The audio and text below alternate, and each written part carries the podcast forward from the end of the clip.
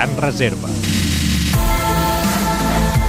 Avui fa 121 anys que van néixer els Jocs Olímpics moderns, la cita esportiva més important que es fa cada 4 anys en una seu diferent.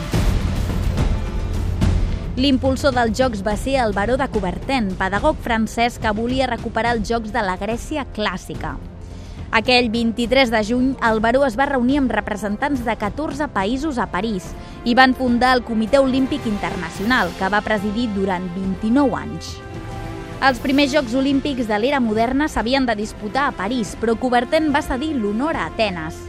En aquell moment Grècia estava en ruïnes i hi havia una gran crisi econòmica, però un empresari grec va fer una bona aportació econòmica que va ser suficient per cobrir la remodelació dels recintes esportius i per acollir els primers Jocs. Els Jocs Olímpics d'Atenes es van fer al cap de dos anys i el nou estadi olímpic va acollir les grans proves com l'atletisme, disciplina que va destacar per sobre de la resta.